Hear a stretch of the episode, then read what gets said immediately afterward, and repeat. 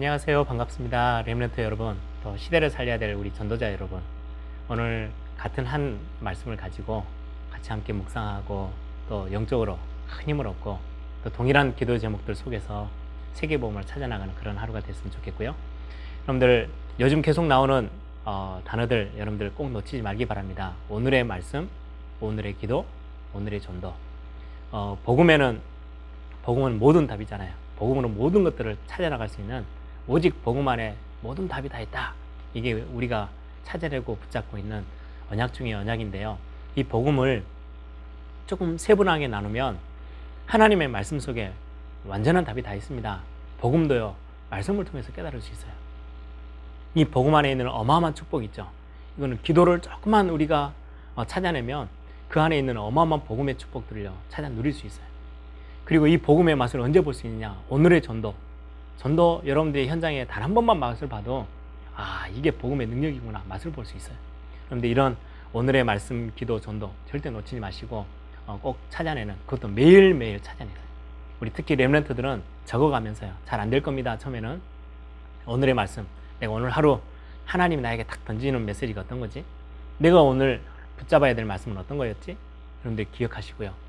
그 속에서 하나님 오늘 내가 딱 기도해야 될 기도의 제목 그리고 내가 정말로 현장에서 하나님의 증인으로 복음의 증인으로 서기를 원합니다. 오늘의 전도 하나님 나에게 은혜를 주십시오. 여러분들 꼭 찾아내서 여러분들 걸로 만드는 그런 축복이 있기를 바랍니다. 특히요. 여러분들 오늘 기도 수업을 하면서 오늘의 말씀 놓치지 마세요. 오늘 에스겔서를 같이 보면서 오늘 제목이 에스겔의 사명인데요.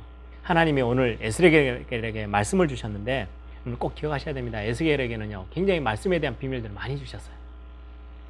에스겔 37장 여러분들 아시다시피 에스겔을 통해서요, 그 마른 뼈, 그 에스겔 골짜기에 마른 뼈를 보여주시면서 하나님의 말씀을 대원해라.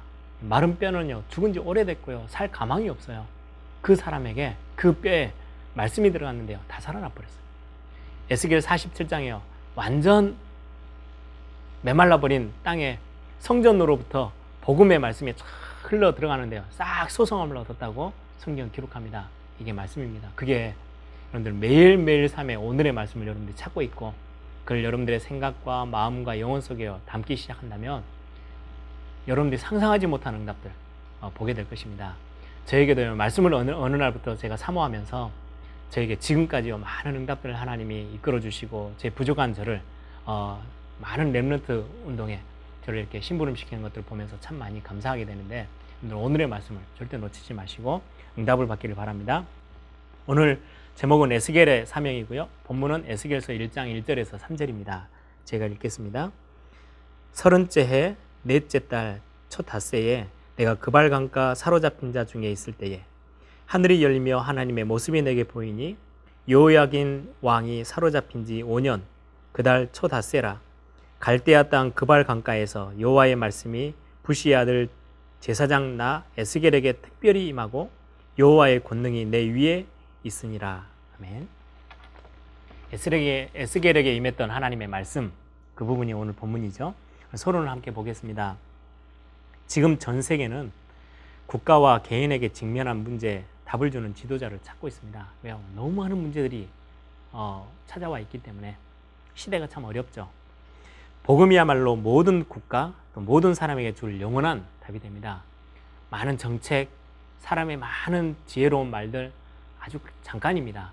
그러나 하나님의 말씀은 영영이 서리라 말씀하셨던 것처럼 하나님의 말씀 중에 복음의 완전한 영원한 답이 되죠. 이 답을 가지고 있으면 전 세계 많은 사람을 살릴 수가 있습니다. 어려움 중에 기도하던 요셉은요, 하나님과 함께하는 응답을 보았고요.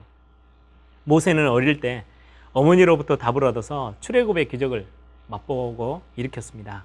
사무엘은 언약계 옆에서 하나님의 음성을 듣게 됐고 미스바 운동을 일으켜서 이스라엘 전 우상에 빠진 이스라엘 백성들을 다 살려냈죠. 다윗은 양을 키우면서 믿음과 실력을 길렀습니다.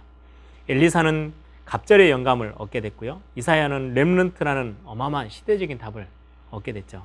전도자 바울도 그리스도 예수 안에 있는 은혜 속에서 강하게 되는 답을 복음 안에서 찾아내서 가지고 있었습니다. 저와 여러분 이 답을 가지고 있어야 시대를 살릴 수 있는 어, 정말 중요한 remnant. 진짜 우리가 말 그대로 전도자가 되는 거죠.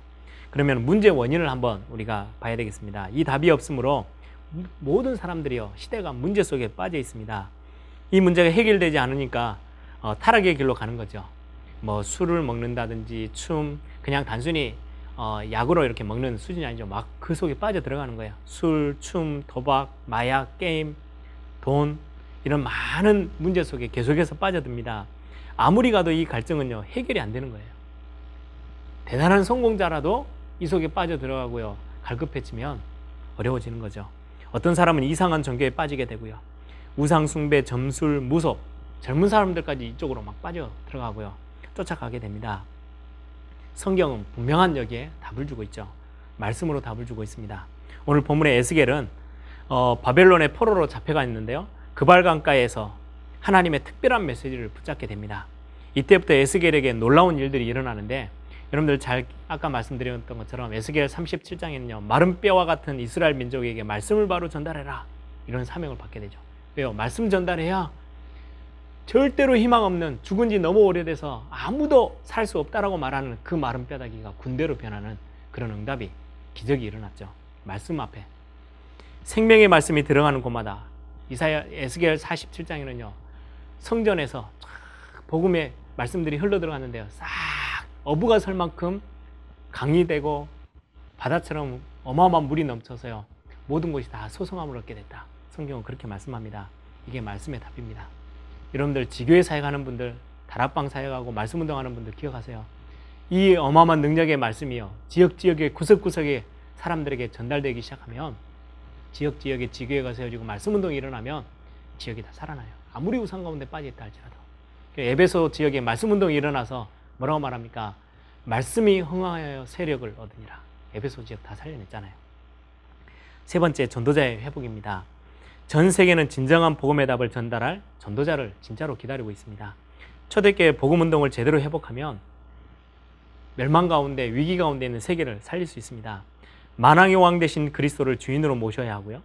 하나님의 나라가 임할 때까지 기다려야 하고 성령 충만을 기다리며 기도하면 능력을 주시겠다고 약속하셨습니다. 지금 사도행전 초대교회 주셨던 약속들이죠.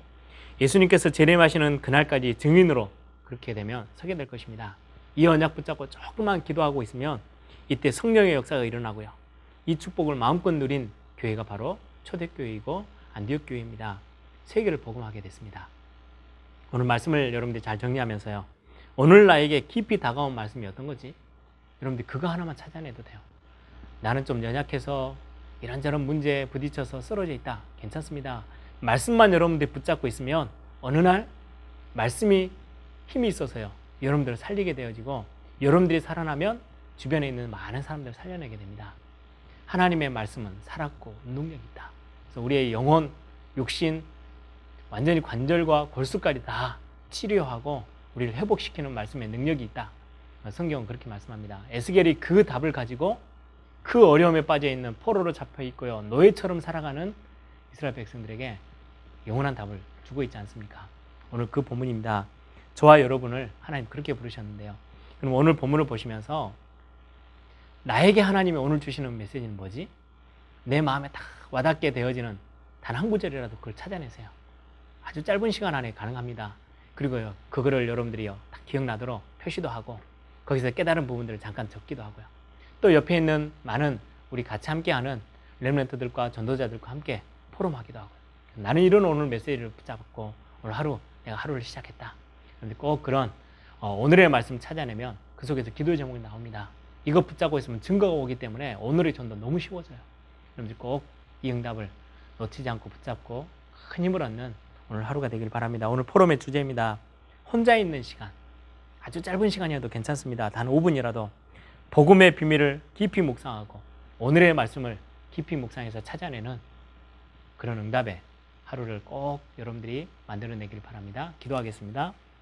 좋으신 아버지 하나님, 에스겔에게 말씀을 주시고 에스겔 3장에 이 두루마기 말씀을 뱃속에 넣어라 창자 속에 깊이 담아라 라고 말씀하는 만큼 말씀이 너무 중요한데 이 말씀만 들어가면 마른 뼈다귀와 같은 인생도 살아나서 싸울 수 있는 군사가 되어지고 군대로 변화되어지는데 하나님 오늘 우리가 오늘의 말씀 놓치지 않는 우리 렘런트들 전도자들 되어지도록 하나님 우리를 축복해 주옵소서 우리의 마음과 생각이 하나님의 말씀에 집중되어 있을 있도록 하루 어떤 상황에 있든 어떤 사건 속에 있든 어떤 환경 속에 있든 오늘의 말씀 놓치지 않고 그 속에서 기도와 전도의 축복을 찾아내는 귀한 렘런트들 되도록 하나님이 역사해 주옵소서. 주 예수 그리스도의 이름으로 기도합니다. 아멘.